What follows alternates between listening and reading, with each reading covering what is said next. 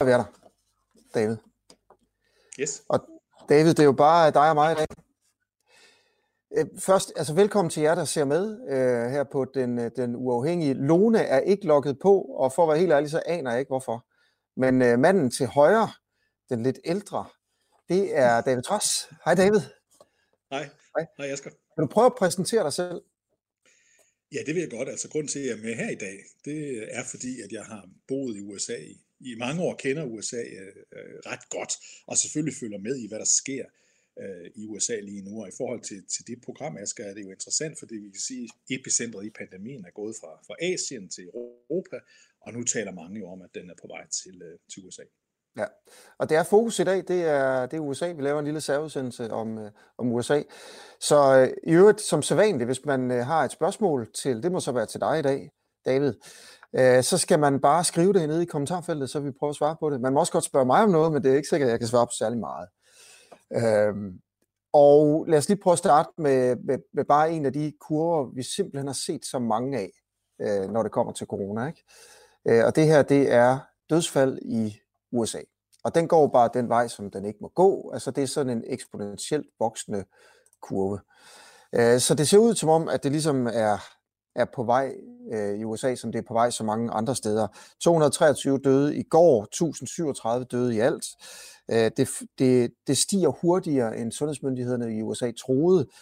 Øh, en fordobling på 3-4 dage i Kalifornien. Sundhedsmyndighederne der regnede med, at det ville fordoble sig på 7-8 øh, dage, men men fordoblingstiden er nede på 3-4 dage. Så det går stærkt. Øh, prøv at sige noget om, om hvordan øh, corona, ligesom, altså hvor stort det er i USA lige nu. Ja, det er jo, man skal jo altid huske på, at øh, når man tænker på USA, så skal man i virkeligheden se hele Europa for sig. Så, så, fordi så stort er USA, er kæmpestort. Vi, vi, vi har et land, der har øh, kyst ud til både øh, Atlanterhavet ved New York City for eksempel, og ud fra Kalifornien Los Angeles altså ud til, til Stillehavet. Vi har alle øh, tænkelige øh, klimazoner, tempereret, øh, øh, øh, tropisk klima. Vi har alt muligt i USA, så det er vigtigt at holde fast i. Så har vi 50 delstater som hver især har en udstrakt grad af lokal bestemmelse. Så, så det er sådan, hvad skal man sige, det er sådan et billede, når man skal kigge på USA, i forhold til når vi sidder og kigger øh, på de enkeltstående europæiske lande, så kigger vi jo på Italien, så zoomer vi ind på Lombardiet, så er vi i Spanien, så er vi i Danmark, så er vi i Østrig rundt omkring.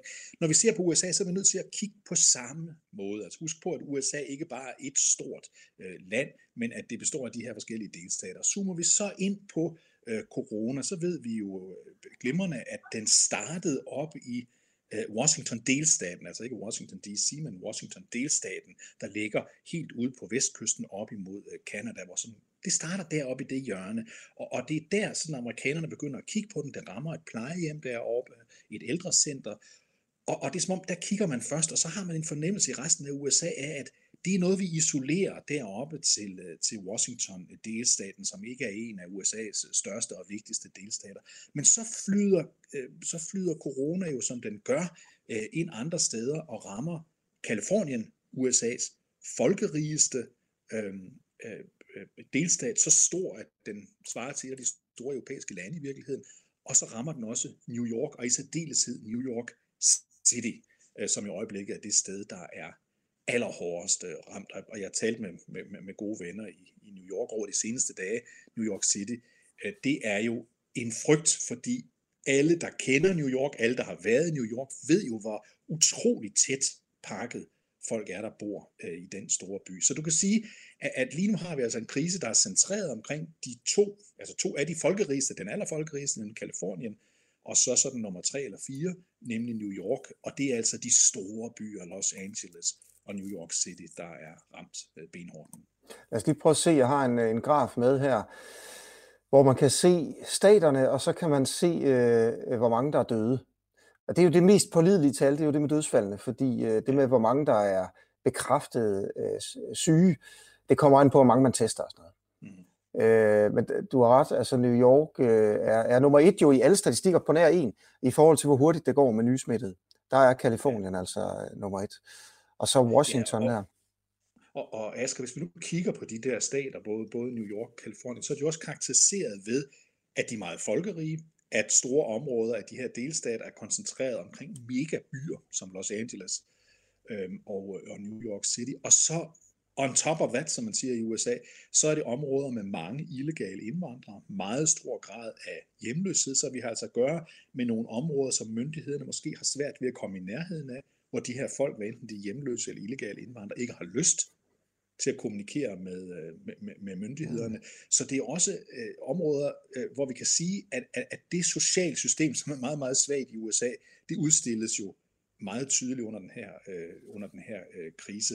Og, og det er noget af det, man er allermest nervøs for i New York City lige nu, for eksempel, det er, hvordan i alverden får vi fat i de mange folk, der ikke har lavet sig registrere ved kommunen, om jeg så må sige, hvis man nu var kommet til Danmark.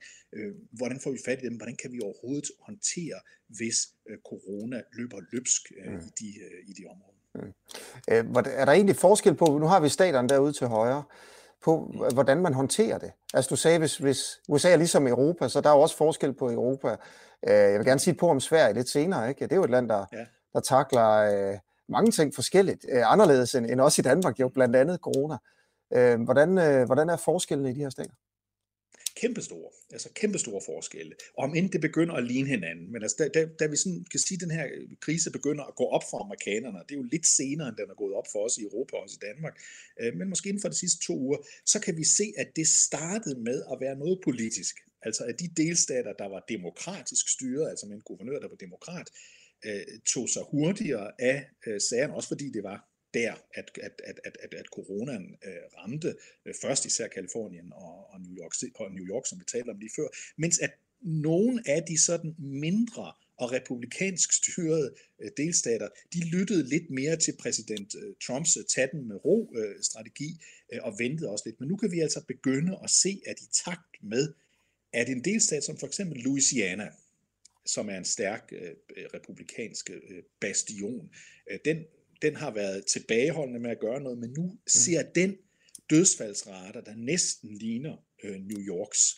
Øh, jeg så Nate Silver, det er et vigtigt sted at kigge, hvis man gerne vil følge med i amerikansk butik i al almindelighed, men også nu i forhold til, øh, til, øh, til coronasmitten. Øh, Nate Silver, han er sådan en statistikguru i USA, der blev berømt først på at lave statistik meget omfattende omkring baseball, siden øh, politik, hvor han altså ved at gennemgå alle mulige tal, nørder med den, kan finde frem til, hvem han tror, der vinder forskellige valg. Og nu har han altså også bevæget sig ind øh, på coronasporet. Han har lavet nogle beregninger, hvor han, hvor han kompenserer for indbyggertal og siger, øh, hvad nu hvis vi siger antal dødsfald per 1 million indbyggere, fordi så kan vi begynde at sammenligne øh, på, på en anden måde. Der kan vi altså se, at i New York-delstaten, øh, der har de nu sådan knap 15 dødsfald per 1 million indbyggere, øh, mens at man i Louisiana, som er en af de stater, der var tøvende med at komme ind i den her øh, øh, øh bekæmpelse af coronaen, også ligger på sådan cirka øh, 14,5. Så i takt med, at coronabussen rammer, som man siger i USA, øh, så kan vi se, at delstaterne slår ind på noget, der ligner lockdowns øh, i, i rigtig mange af de amerikanske delstater. Der er en overraskelse til dig her, øh, David. Hvor er hun? En lille gave til dig. Hej Lone, hvor har du været? Undskyld. Jamen, det var mig. Jeg kunne ikke lægge røret på, så her er jeg nu. Ja. Mm. Og Lone, det er helt fint. Det er ja. helt fint. Det er David, vi har med her. David Træs. Hej. Ja, som du måske kender fra, fra tv. Jeg har sådan ja. sandelig set dit ansigt før, ja. Ja, og øh, det er jo, vi sidder og snakker om USA. Ja. Øh, og David er, er, er ved at og fortælle lidt om, hvordan man også håndterer det forskelligt i forskellige stater. Øhm, blandt andet Louisiana, hvor man ikke har været så, øh, så, så radikal, som man måske har været andre steder. Øh, er, der, er der ellers nogle stater, der stikker ud, David, og nogle, nogle interessante tiltag, som man har i nogle stater og ikke i andre? Og sådan noget? Ja, men altså, lad, lad os lige prøve at holde det der billede på Europa og USA igen, som jeg synes er ret relevant. Fordi der er jo mange i Europa, der også sidder og siger, hvorfor gjorde EU ikke et eller andet samlet? Hvorfor sørgede EU ikke for at inddæmme den her konflikt? Mm. Hvorfor er det blevet til en national opgave rundt omkring? Det er det jo blandt andet, fordi de nationale øh, regeringer ikke rigtig stoler på EU. Og så vælger Danmark at lave sin egen løsning, og Tyskland og så videre øh, hele vejen rundt. Der er sådan en manglende tiltro til det centrale, men det er jo også fordi, at EU ikke har ret til at koordinere sundhedspolitik, i hvert fald ikke ret meget. Det samme gør sig gældende i USA. Altså de enkelte delstater øh, kan man simpelthen se stoler mere på sig selv end de stoler på den nationale regering. Og det er altså ikke kun fordi, det er Trump, der sidder der, sådan vil det også være i andre tilfælde. Øh, og for det andet, så har øh, de nationale myndigheder ikke store muligheder for at påvirke, hvordan de enkelte delstater de, de, de gør det her. Så vi ser meget øh, forskelligt på det her. Ser vi på sådan en, altså den, den stat, der er hårdest ramt, nemlig New York, så kan vi simpelthen se, at deres guvernør, Andrew Cuomo, han har taget sagen i, i egen hånd, og han reagerer øh, altså over sin delstat næsten på samme måde som en, ja, en dansk statsminister øh, kan bestemme over, over Danmark. De har nogle håb om, at de kan få nogle, nogle ting fra den føderale stat, fordi den føderale stat, det vil sige præsidenten i det her tilfælde, kan vælge at iværksætte noget, der hedder militær lov i virkeligheden, hvor han kan diktere øh, til øh, medicinalvirksomheder for eksempel, at de skal producere noget, der måtte mangle i hospitalsvæsenet i, øh, i, i New York for eksempel. Men meget af det styres lokalt, og rigtig mange er også mere trygge ved, at ting foregår lokalt. Så det minder på den måde om, om forskellen øh, mellem de enkelte lande øh, i, øh, i, øh, i Europa og så, og så de enkelte delstater i USA. Nu spørger du, Asger, om der er nogen, der sådan stikker særligt ud, og der vil jeg sige, ja, det gør øh, New York øh, øh, virkelig. Men det gør sådan en delstat som Michigan ude i, i Midtvesten også, fordi øh, Michigan har ikke haft de høje rater af corona endnu, men de har valgt en, en tidlig løsning, hvor de altså ret hurtigt går ind og begynder at lukke skoler og sådan noget, mm. som vi også har set i mange europæiske lande. Og det er jo simpelthen fordi, hver enkelt delstat er næsten lige så stort som et land i Europa, og derfor har de også næsten et udenrigsministerium, og hvad ved jeg, der sidder og følger med i, hvordan man gør det i Europa. De kigger så på de europæiske lande og ser, hvem har haft mest til med nogle modeller, og så prøver man på at, at kopiere dem øh, også i, i udstrakt grad. Mm. Okay. Lone, jeg, du, gerne, altså, prøv, jeg, jeg, jeg er meget nysgerrig efter, Ja, hvordan, øh, hvordan går det med, hvem tester de, og hvordan går det med test? De havde jo store problemer med at få testen op at køre i begyndelsen, hvor. CDC havde en, der var et eller andet med, at testen ikke rigtig fungerede, som var blevet sendt ud til øh, staterne. Er det så, når man, når man hører, at de står i kø i New York City for at blive testet, hvem er det egentlig, der står i kø, og hvad, er der test nok til alle de mennesker? Altså, altså spørgsmålet om test er jo øh, øh, benhårdt, også politisk øh, i USA, fordi vi ved alle sammen, at Donald Trump han stod for et par uger siden og sagde, at det har vi fuldstændig styr på, alle kan blive testet, øh, hvis de har lyst til det. Ja. Så har vi også set ham selv øh, øh, ærligt talt klynke over, hvor ubehageligt det var at få den her test. Han forklarede nøje på et, på et pressemøde på en måde, hvor jeg tænkte, det var måske ikke værd at, at skræmme alle folk væk fra at skulle hen og have en test om, hvor ubehageligt det var at, at få stukket et op i næsen, helt op til øjenlåget, som er meget ubehageligt. sagde han så. Okay, nå. Øh, men, men, men, men, men han bliver ved med at sige, at de her tests er på vej. Mhm. Kommer om et øjeblik. Mhm.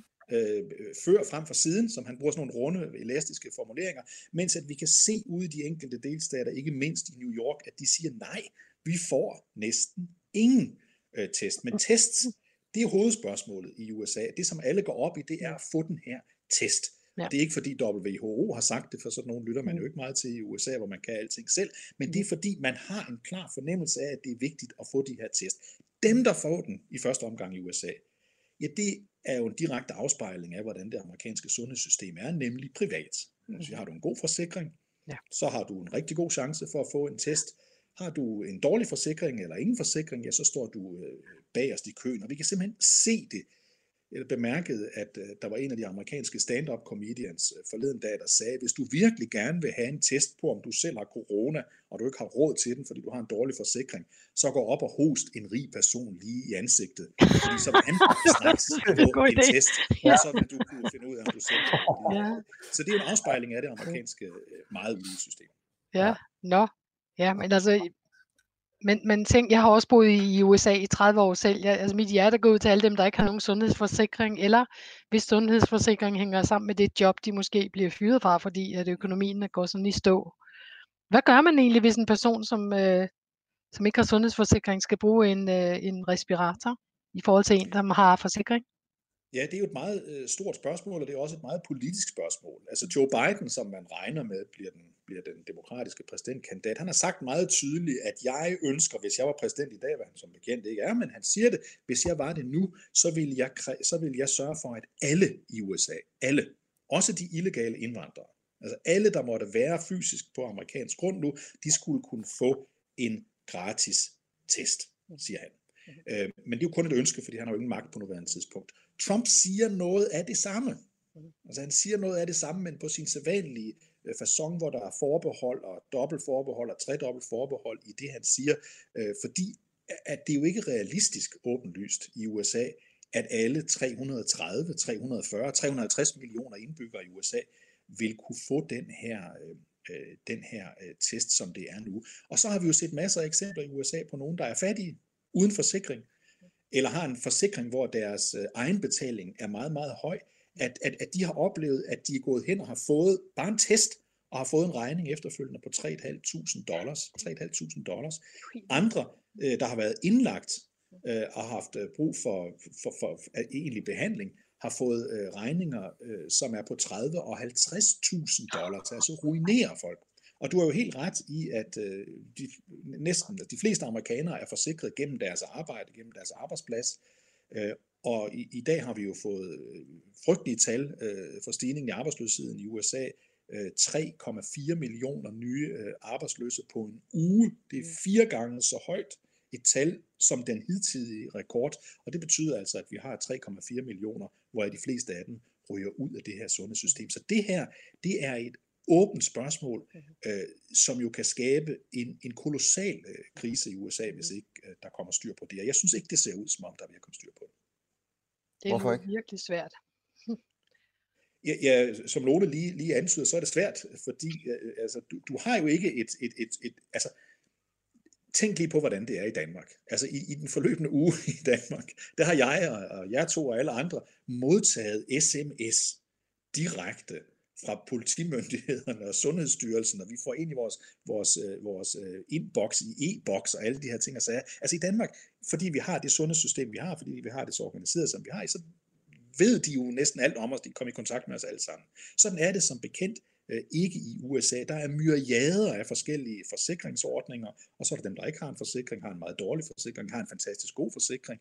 Men der er ikke nogen central styring på det, hvor vi kan sige, hvis nu jeg gerne hvis nu jeg var præsident Trump, og jeg tænker, at nu skal jeg sende en vigtig besked til alle 330 millioner indbyggere i USA, så kan han ikke, fordi han har ikke adgang til den. Mm. Så, så, så, så, så hele styringen af systemet er meget, meget øh, svær, og derfor er, er, er USA jo, jo dybt udfordret nu. Og derfor kan man også sige, altså det er jo ikke nogen misundelsesværdig post at være præsident lige nu i forhold til at håndtere den her konflikt, fordi han skal håndtere den i fællesskab med de lokale myndigheder, på en platform, hvor man i virkeligheden ikke rigtig har styr på, hvem øh, Han må også være lidt flov, var? Han startede med at sige, at det var et hoax, den her virus slet ikke fandtes, gjorde han Jo, altså nu skulle det ikke lyde, som om jeg kom med et stort forsvar for, øh, for Donald Trump. Jeg siger bare, i den situation, han har, ja, det sørger heller ikke nemt. Nej, tværtimod, så har vi jo at gøre med en, en, en, en præsident, øh, der indtil for ganske få dage siden sagde, at det her var et hoax, altså som du siger, Lone, et fupnummer. Et fupnummer. Han sagde også øh, berømt, at i dag har vi 13-14 tilfælde, det var for nogle uger siden, øh, om et ganske kort øjeblik, der vil vi have 0 øh, sagde han øh, som bekendt. Mm. Og han har sagt masser af andre ting lige indtil, at det gik op for ham, at, at det her var, var, var alvor. Så du kan sige, han har to faser, den gode Trump. Han har en, hvor han helt åbenlyst, altså helt åbenlyst, negligerede, talte den her ned, til at han pludselig forstår, at det her det er alvor, og så kan vi sige, at den tredje fase er i gang nu, nemlig, det er ikke min skyld, det er alle andres skyld i særdeleshed, de dumme kinesere, yeah. øh, men det er i hvert fald ikke min skyld. Jeg må bare ikke lige sige til det, fordi der er også, øh, så vidt jeg lige kan se, også en lidt anden historie, øh, der handler om, at Trump var en af øh, dem i den vestlige verden, der tog det alvorligt først. Øh, hvis du ser på, hvem der for eksempel lukkede for, øh, for, for flyene fra, for Kina, Ja, de, dem, der havde været i Kina inden for de seneste to uger, de fik ikke lov til at komme ind, medmindre de gik karantæne. Lang tid før man gjorde det i, i Europa, for eksempel. Øh, jeg kan også huske, der har været historier om, øh, kan I huske dengang, at der var nogle amerikanske statsborgere, jeg tror, ombord på det her krydstogsskib, øh, som så blev fløjet tilbage til USA, øh, selvom Trump havde sagt, at det måtte de ikke blive. Og, og så var der sådan nogle rapporter fra anonyme kilder, Øh, der blev citeret i, jeg tror det var New York Times eller et eller andet, om at Trump var sådan gået amok, altså på dem, der havde gjort det, og var blevet skidesur over, at folk var, var kommet tilbage øh, fra det her krydstogsskib. Så på den anden side, David Traas, var der vel også nogle ting, han gjorde ret hurtigt, Trump, eller hvad? Jo, jo, altså, og det vigtigste, og som han hele tiden selv fremhæver også, det var det, du startede med at sige, nemlig at han lukkede ned øh, for den nemme adgang øh, for kinesere og kinesiske fly øh, ind, i, øh, ind i USA. Det gør han jo allerede i starten af januar, en af de første dage øh, i, i januar i virkeligheden. Men parallelt med det, som jo er en beslutning, øh, som vi måske også i Europa ville have ønsket, vi havde taget øh, på samme tidspunkt, men det gjorde vi ikke.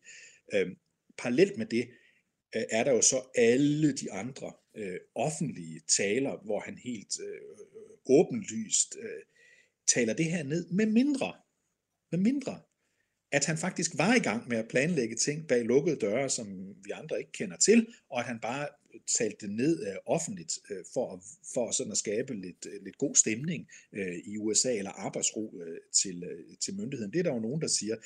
Så er der jo de her to øh, læger, der står tæt på ham, når han holder sine pressemøder i det hvide hus. Øh, Dr. Fauci, som vel er sådan en slags blanding af, af, af at være, være, være direktør for Statens Serum Institut og Sundhedsstyrelsen øh, i, i virkeligheden i Danmark. Mm. Øh, øh, han er den ene. Han har haft det job i årtier, øh, meget anerkendt øh, i Amerika og resten af verden. På den anden side har vi Deborah Burks, øh, en anden læge, der står der hele tiden. Og der kan man jo mærke på de to fuldstændig åbenlyst, at hvis vi synes i Danmark, at der er lidt skamysler mellem Magnus Heunicke og Søren Brostrøm osv., så, videre, så, videre, så skal vi love for, at derover der kører det for fulde øh, gardiner, både på de offentlige pressemøder inde i det hvide hus, som jeg, fordi jeg har så god tid, ligesom alle andre danskere på nuværende tidspunkt, øh, ser øh, øh, altså, dem alle sammen, og, og de halvanden time, øh, de varer, der kan man jo se, at, at der er helt åbenlys strid mellem hans politiske ønsker og deres øh, sundhedsfaglige øh, indspark. Hvad går den strid ud på? Hvad er de uenige om? Den går ud på flere ting. Den går øh, punkt et ud på, at øh, præsident Trump ved flere lejligheder har sådan stillet amerikanerne i udsigt, at der er sådan et vidundermiddel, øh, der kan behandle øh, coronavirus om et øjeblik. Om et øjeblik. Det kan komme, som han igen, han har altid der forbehold, øh, det kan komme mm. før, frem for siden. Altså det er jo sådan en, en elastisk måde, han siger det på. Men han siger jo, at, at, at, at han har set noget, som han mener er beviser for, at man vil kunne behandle, altså ikke en virus, men undskyld, ikke en vaccine, men en egentlig behandling mm. af folk, der har fået øh, coronavirus, øh, på en måde, der er meget effektiv og meget hurtig. Det det her med malaria, med medicin og forskellige ting og sager. Mm. Så går Dr. Fauci hen lige efter og siger, altså, det jeg har set, det er ikke beviser. Det er anekdoter, yeah. hvor nogen har skrevet et eller andet sted øh, på nettet, jeg har hørt et eller andet virkede.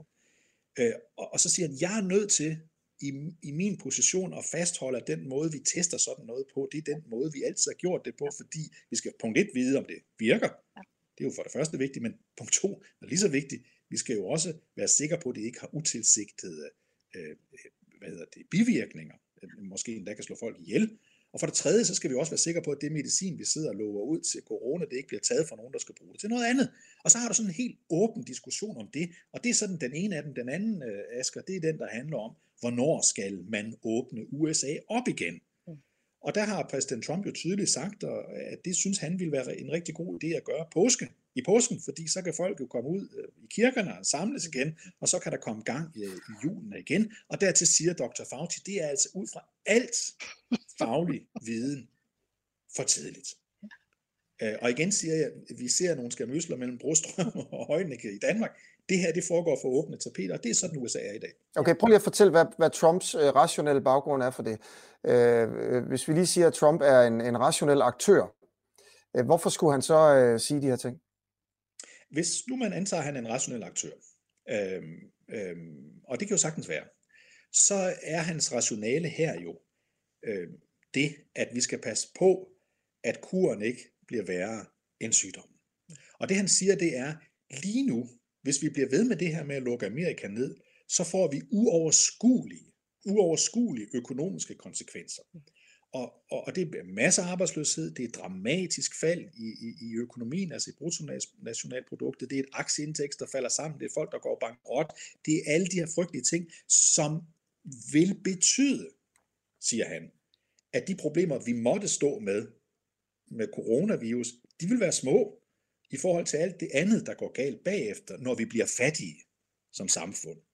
Øh, så rationalet er her, at vi skal passe på, at vi ikke sætter samfundet så meget i stå, at vi ikke kan komme i gang igen. Det er jo også en diskussion, vi også ser, også i Danmark. Øh, det er lige det, aviserne er fulde af lige nu. Ja, altså, ja. Det er hele diskussionen om, hvordan, hvordan kommer vi i gang igen på en forsvarlig måde, så vi ikke får det til at bluse op igen, når vi kommer over på den anden side af toppen af kurven.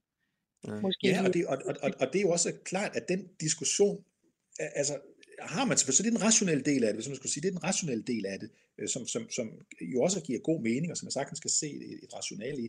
På den anden side, så er der jo også det faktum, at der er præsident valg i USA i november måned, og derfor er det jo ikke rart for præsidenten at forestille sig, at han går hen imod en valgkamp, der rykker tættere og tættere på i en nation, der er lukket helt ned med et bruttonationalt øh, produkt, der styrtdykker aktiekurser, øh, som man jo også lige skal huske på i USA, har direkte betydning for de fleste amerikanere, fordi de sparer op til deres pension ja. selv. Altså ikke i PFA-pension eller lærerstandens et eller andet. Og sådan Nej, de gør det selv, så de sidder der og kigger på deres, på deres øh, aktiekurser for deres egen pension, øh, der falder og falder og falder hver eneste dag. Så hvis vi nu ser på det politisk, øh, så er det også vigtigt for præsidenten på en eller anden måde at skabe en optimisme før det valg, der kommer ind. Mm. David, du kan se hernede, jeg ved ikke, om du kan se øh, i skærmen, der er spørgsmål fra, fra seere. Og, ja. øh, og Anders øh, spørger, øh, hvordan Fox News har dækket coronakrisen den seneste tid. Den seneste tid er det, er det, er det relevante øh, i, i, det her, i det her spørgsmål, fordi øh, Fox News dækkede fuldstændig parallelt med præsidenten øh, indtil en to-tre dage før præsidenten skiftede kurs. Altså, de blev ved med at sige det samme, der er ikke noget problem. Det er det noget, demokraterne finder på, fordi de ikke kunne øh, slippe af med præsident Trump ved Ruslands undersøgelsen og rigsretten og alt det her. Nu kommer de med et nyt nummer. Der er ikke noget at være nervøs for, hvor her bevares har vi ikke alle sammen haft lidt influenza. Det kan også være ubehageligt, og nogen skal jo dø og alt det der. Det har der været masser af. Så sker der det, øh, at en af deres stjerneværter, han hedder Tucker Carlson, han et par dage før Trump ender med også at skifte kurs, siger, den er helt gal, den her. Den er helt gal. Og her kan man jo begynde at tænke over, kan det være, det er fordi Tucker Carlson, han bor i New York City? Altså, kan, fordi det ved vi jo også godt. Altså, ting, vi, vi andre vil nok også have det her endnu højere op på vores opmærksomhedstærskel, hvis vi boede i Lombardiet. Ja. Øh, selvom vi også har det her. Så nogle af de her værter skifter altså kurs, og nu har hele stationen skiftet kurs. Hele stationen synes, at det her er en vigtig øh, ting at tage sig af. Det, der så stadigvæk gør sig gældende, det er, at de alle sammen synes, at præsident Trumps øh, ageren er helt fantastisk. Og må jeg ikke lige sige tal, for jeg så tal i dag, jeg lige noterede det ned, som jeg synes er helt fantastisk, for at sige, hvordan det egentlig er i USA lige nu. Øh, det er CBS, en af de store tv-stationer, der laver en meningsmåling, hvor de spørger øh, ud til amerikanerne, øh, hvem de stoler mest på. Mm-hmm. Hvem stoler I mest på i den her konflikt med, med corona, som, som vi er midt i lige nu? Og så delte de det op på henholdsvis demokrater og republikanere og, og republik, undskyld, demokrater til at starte med, de stoler helt åbenlyst på sundhedsmyndighederne. Det der svarer til Sundhedsstyrelsen i Danmark. 87 øh, procent siger, at CDC øh, gør, øh, at de stoler på den. Den, som de stoler mindst på, det er præsident Trump. Kun 14 procent af demokraterne stoler på, hvad Trump han står og siger. Kigger vi så på republikanerne over på den anden side, så er det lige omvendt. 90 procent af de republikanske vælgere siger, at de stoler mest på øh, præsident Trump, og den, som de stoler mindst på, det er dog ikke sundhedsmyndighederne, men det er øh, de amerikanske medier, som kun 13 procent stoler på, stoler på i det her. Så igen, alt er politisk i USA. Ja. Men ikke, at, at Dr. Fauci er ikke sådan en øh, elsket af alle figur, som virkelig har været igennem mange kriser sammen med de amerikanske folk. Jeg kan huske, da, da vi havde Anthrax-udbruddet, øh, og, han, han, og folk ævlede rundt om, om hvad det var, og der var også noget ude i skoven og sådan noget. Og så kom han på skærmen, så sagde han, hm, It walks like a duck, and it talks like a duck. It's gotta be a duck. Og det var hele det med, at det var bioterrorisme, og vi var sådan, ja, go, go Dr. Fauci. ja.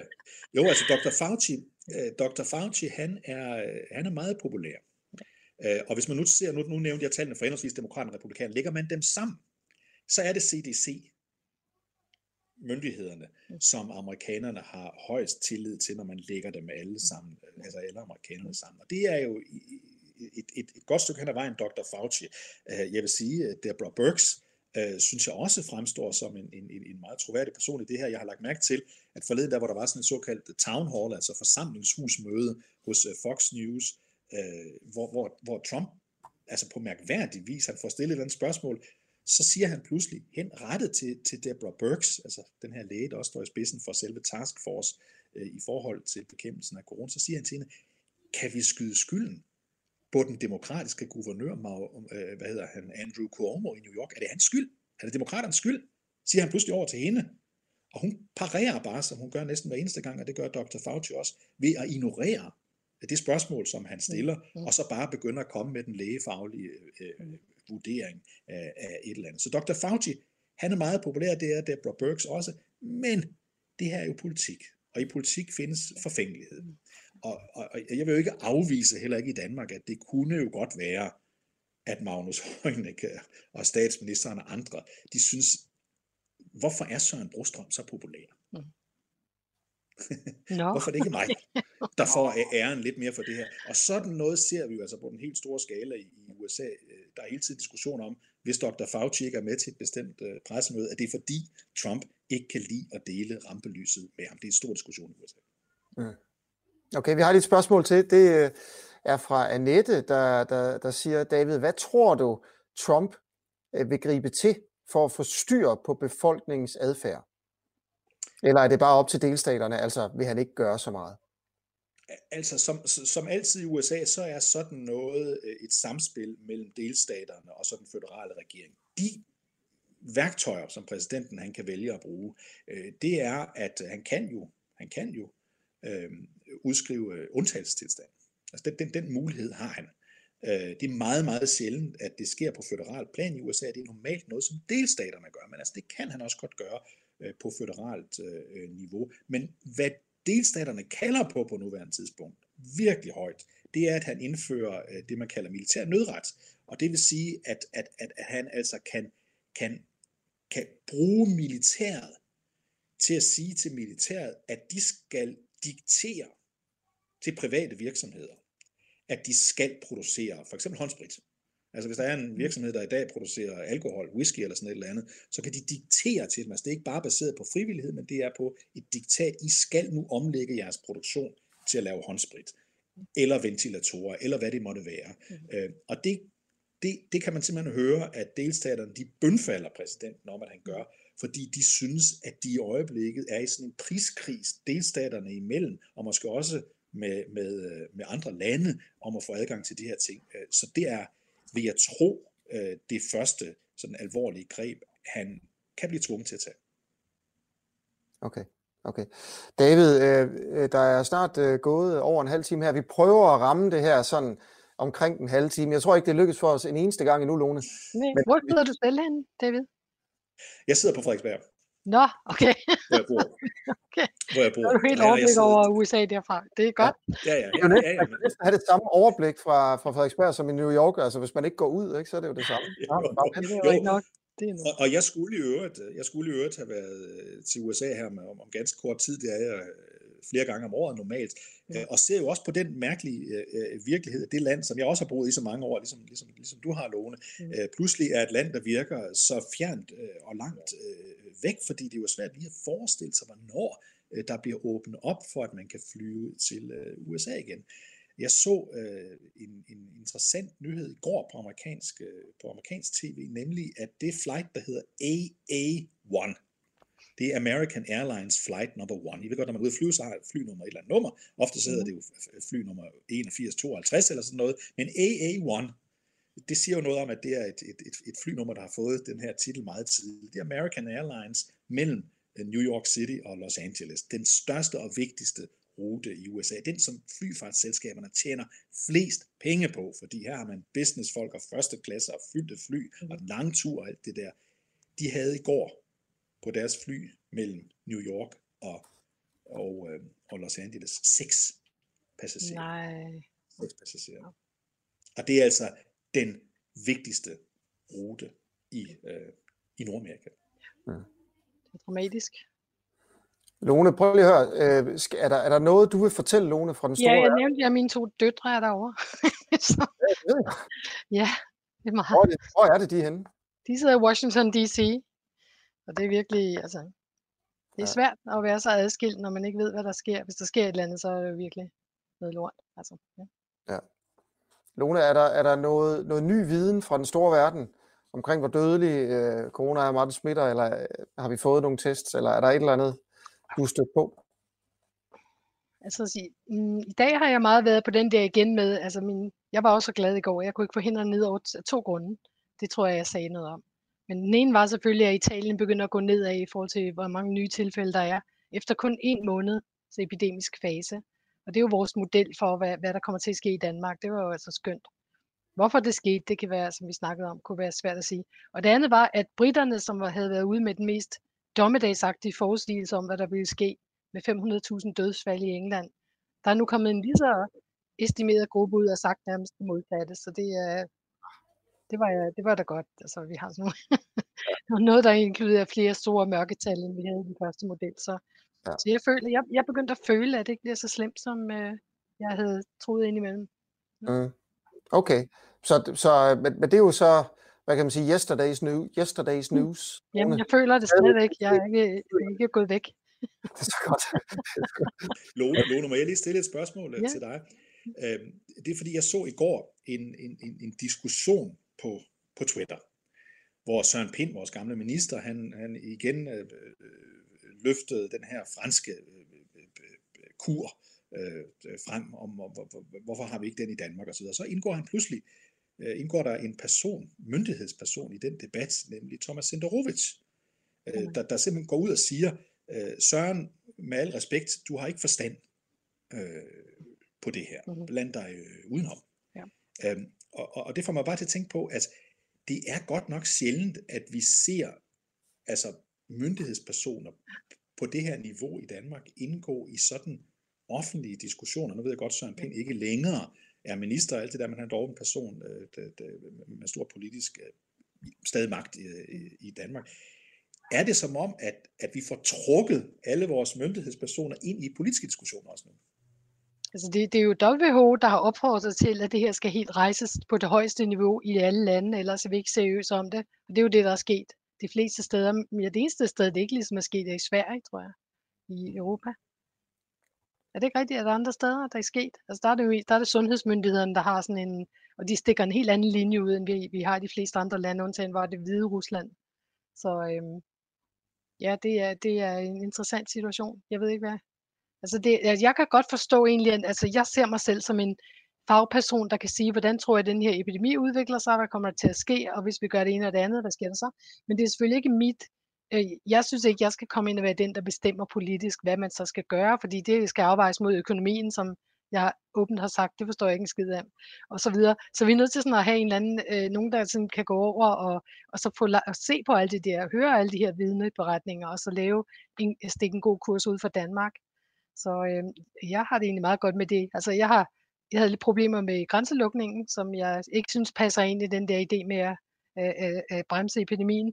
Men udover det, så synes jeg egentlig, det er en god kurs, vi har fået ud af det her med sådan langsomt at trække plasteret af, og sådan at vi kan komme igennem det her og få noget ordentlig immunitet på den anden side, og, og beskytte vores øh, svage, og beskytte hospitalsektoren og hinanden, og jeg synes, jeg synes slet ikke, det er dumt, altså.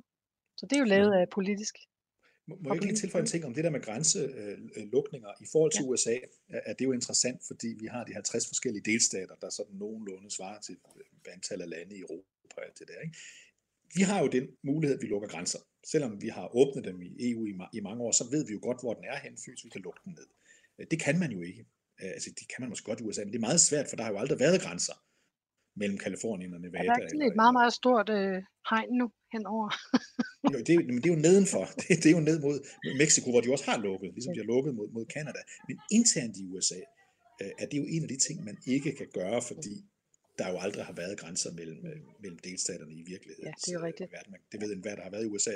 Man ser lige et skilt hov, nu man er kommet øh, ind i den næste delstat, men det er jo ikke sådan, at man, at man kan se det på den måde. Så her har vi også en udfordring til, at man ikke på samme måde kan isolere og sige, øh, vi tror, at det også vil være godt, hvis vi lukker New York-delstaten helt af. Ja. Det, det er meget svært. Det er rigtigt. Jeg kan huske, der hvor jeg boede, der krydsede vi jo grænser i tre stater hver dag, for at komme på arbejde hjem og hen og købe mad og sådan noget det, ja, det kan godt se, det kunne være virkelig svært at håndtere. Jeg tror, at øh, vi siger tusind tak for i dag. Ja, tusind tak. Det var øh, spændende. Tak. Ja. ja, fantastisk David. Bare tak, fordi du vil være med, og kunne vi måske få lov til at ringe en gang øh, om nogle uger igen? Om nogle uger, når vi er ude i det fri igen, til det, eller, eller, eller hvornår det nu bliver. I må meget nej, nej, det er vi ikke. Det er vi overhovedet ikke. Du sidder stadig i din lejlighed om et par uger, David. det tror jeg også. Øh, Prøv, jeg vil bare lige tage et par hurtige tal her, øh, som jeg havde forberedt øh, til i dag. Øh, 41 døde i Danmark, 6 nye dødsfald herhjemme. Øh, bare lige en lille sjov ting til dig, Lone. Mm-hmm. Der er testet 14.000 i Danmark. I Norge Vi har jo sidst snakket om, hvor meget tester andre lande. 73.000 testet i Norge. Ja. Uh, so far. Uh, og flere danske læger, overlæger, er i dag ude at sige, at den nye strate- danske strategi om at teste 5.000 om dagen er urealistisk. Fordi Ja, vi, vi, vi masser løber tør for Ja. dimser og dibenutter og Ja. plastikbakker og sådan noget. Ikke? Vi begynder mere Desværre. og mere at forstå, hvad egentlig problemet er. Det er ikke bare, at de der, en, en testkit, der mangler. Det er den person, der skal tage den og gøre noget med den. Det er plastikbakken, der skal ind i, i ovnen. Det er alle mulige ting, som simpelthen bliver øh, altså produceret alle mulige steder i verden, og alt, alt mulige ting kan gå galt for, for den der assembly line. Så det, det er virkelig øh, rigtigt nok. Altså, jeg, jeg synes, det er fint, at man har en intention om at gå op i test. Men jeg, men jeg synes stadigvæk, man virkelig skal, skal holde sådan øjnene pivet på det, det. Det, der er vigtigt, det er jo altså at holde, øh, at, at teste alle dem, som er alvorligt syge, dem, der skal ind på hospitalerne, for at sikre læger, og, og at vi ikke får de der hospitalsinfektioner, de har haft i Spanien nu for eksempel. Øh, og samtidig øh, at, vi, øhm, at, vi, at vi også har test nok, det, det ville være min næste prioritet, det ville have nok test til at teste dem, som arbejder i hospitalerne, og dem, som arbejder på plejehjem og sådan nogle steder. Og så prøve virkelig at få, få beefet op, sådan at man, man tager de essentielle. Jeg vil gerne selv vente med at få min test, fordi jeg ved, at det er lige meget mere positivt eller ej. Der er alligevel ikke noget, man kan gøre ved det. Jeg vil gerne en dag vide, om jeg er, er øhm, immun på den anden side, men det er en anden slags test, man kan få det fra. Det er serologitest, det kommer vi nok Mm. til senere. Ja, men der vil WHO er uenig med dig der, Lone, ikke? Og Ja, nu har vi snakket mange gange. Vil bare lagt lige sige, mærke til de det. siger, at du skal testes, og de siger også, du skal testes, Lone, fordi ellers så retter du rundt måske og smitter nogen uden at Ja. vide, fordi du, du har ikke så mange symptomer, eller din kæreste gør det. Ja. Der også render rundt, ikke? Så det WHO siger, vi skal teste dig, Lone, fordi hvis Ja. du har det, så skal du isoleres, og alle dem, du har været i kontakt med, Ja. de skal simpelthen også isoleres.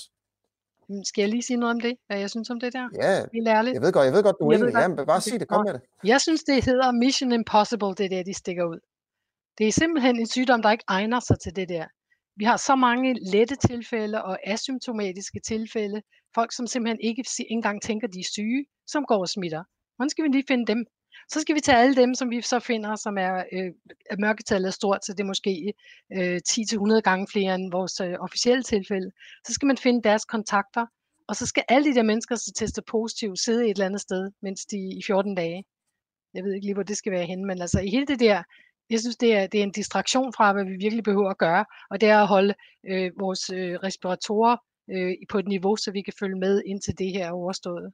Jeg, jeg, jeg synes simpelthen ikke, at det, er, at det er en god strategi, de lægger ud der. Jeg synes, det er, er forvirrende for alle. Mm. Så har jeg sagt. Det er det. Jamen, og du har sagt det før, Lone, det er Ja. så godt.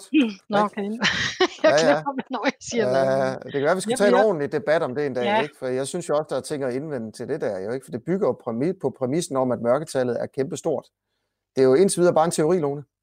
Nej, det er Du mere ved det ikke. Ja, Nej, nej, det vil jeg vil sige nej. For der- Jeg synes faktisk, jeg ved, jeg, nej, det, det er ved at bygge sig op. Vi, får, vi ved rigtig, rigtig meget nu efterhånden fra, for eksempel, hvis man ser på alle dem, som er blevet fundet øh, positive, fordi de var et familiemedlem til en, der var positiv.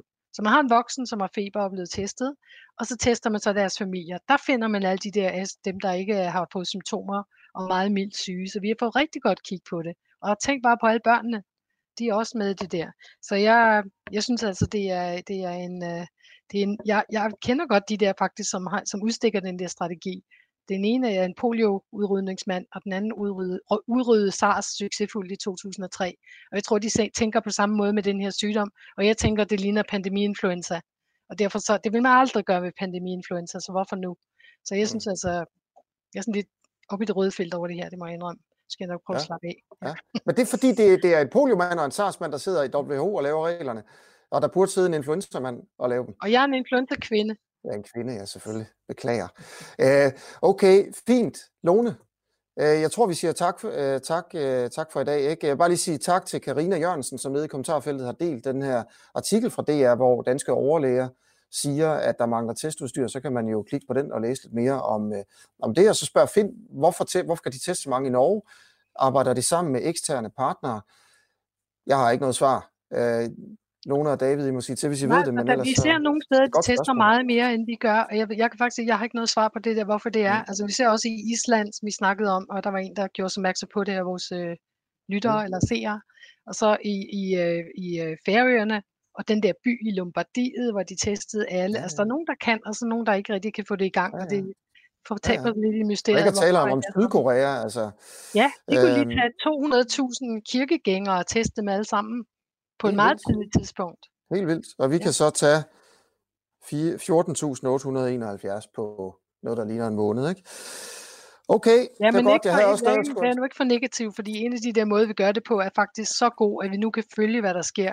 Uge for uge, så kan vi følge antal indlagte, for de er alle sammen testet. Det er enormt stabilt, og så kan man se, at det går op stadigvæk eksponentielt, men når de der ting, vi gør, begynder at virke, så vil det komme til at gå ned. Og vi spår altså, det vil blive her i weekenden, når man får forsyn for sagen. Det er så godt. Jeg elsker dine markante udmeldinger. Det betyder også, at vi kan komme efter dig, Lone, hvis det ikke passer. Ikke? Kan I Der er øvrigt også noget, jeg vil sige om, øh, om Sverige, men det må vi altså vente til i morgen. Jeg er i øvrigt ved at finde en svensk journalist, der vil være med øh, direkte fra Stockholm. Det går lidt bananas derovre, hvor der er en masse svenske Nå. overlæger, der har skrevet et åbent brev Nå. nu til, øh, til, til Folkhälsoinstituttet, eller hvad det hedder, altså Sundhedsstyrelsen i Sverige, om at strategien i Sverige er helt forfejlet. Nå. Øh, og øh, Men altså, sandheden ligger jo simpelthen i. Vi, vi må tænke på Sverige indtil videre som et altså, på en, altså, det lyder underligt, men som kontroleksperimentet for Danmark. Mhm. Hvad ville være sket, hvis vi ikke havde gjort alle de ting? Så det er jo altså, det er jo det er virkelig noget at holde øje med. Præcis. Okay, tak Ja. for det. Lone, vi I måde. ses, og David, have det rigtig godt. Det var en kæmpe fornøjelse at have dig med. Ja, det var virkelig Og fedt. bare tak. Ja. Helt vildt. Øh, og tak til alle jer, der har, der har set med og delt og liket. Det er jo vi er bare glade for. Det er det, Lone og jeg lever af. Det er de der likes og, og, og delinger, så vi kommer ud til endnu flere. Så, så tusind, tusind tak for det. Og I morgen vil vi, jeg forklare, jeg kan se et godt spørgsmål om eksponentielt. Vi snakker om det i morgen.